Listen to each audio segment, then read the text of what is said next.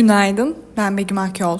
25 Ocak 2024 tarihli haber başlıkları ve piyasa bültenini paylaşacağım. Merkez Bankası'nın bugün politika faizin 250 bas puan artışla %45'e çıkarması ve bunun mevcut sıkılaştırma döngüsündeki son faiz artışı olması bekleniyor. İsveç'in NATO'ya katılımına yönelik kanun teklifinin Türkiye Büyük Millet Meclisi'nden geçmesinin ardından Biden, Türkiye'ye F-16 satışının onaylanması için ABD Kongresi'ne mektup yazdı.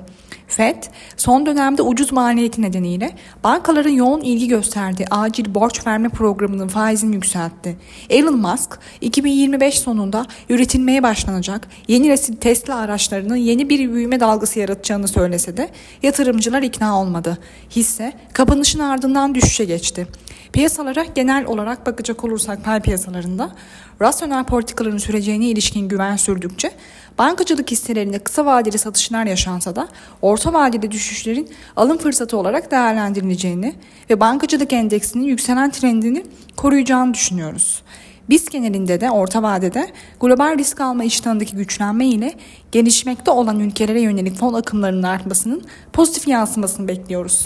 Global piyasalarda ise ABD borsaları öncülüğünde risk iştahı gücünü koruyor. Bu sabah ABD vadeleri ve Asya endeksleri alıcılı seyri sürdürüyor. Alman DAX hafif satıcılı bir seyir içerisinde.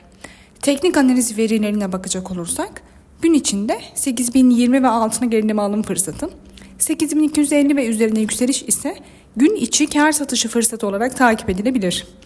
Viyop tarafında ise gün içi long pozisyonlar için 9055, short pozisyonlar için ise 9150 zarar kes seviyesi olarak izlenebilir. Borsa İstanbul'un ve endeks kontratının güne pozitif eğilimle başlamasını bekliyoruz. Kazançlı günler dileriz.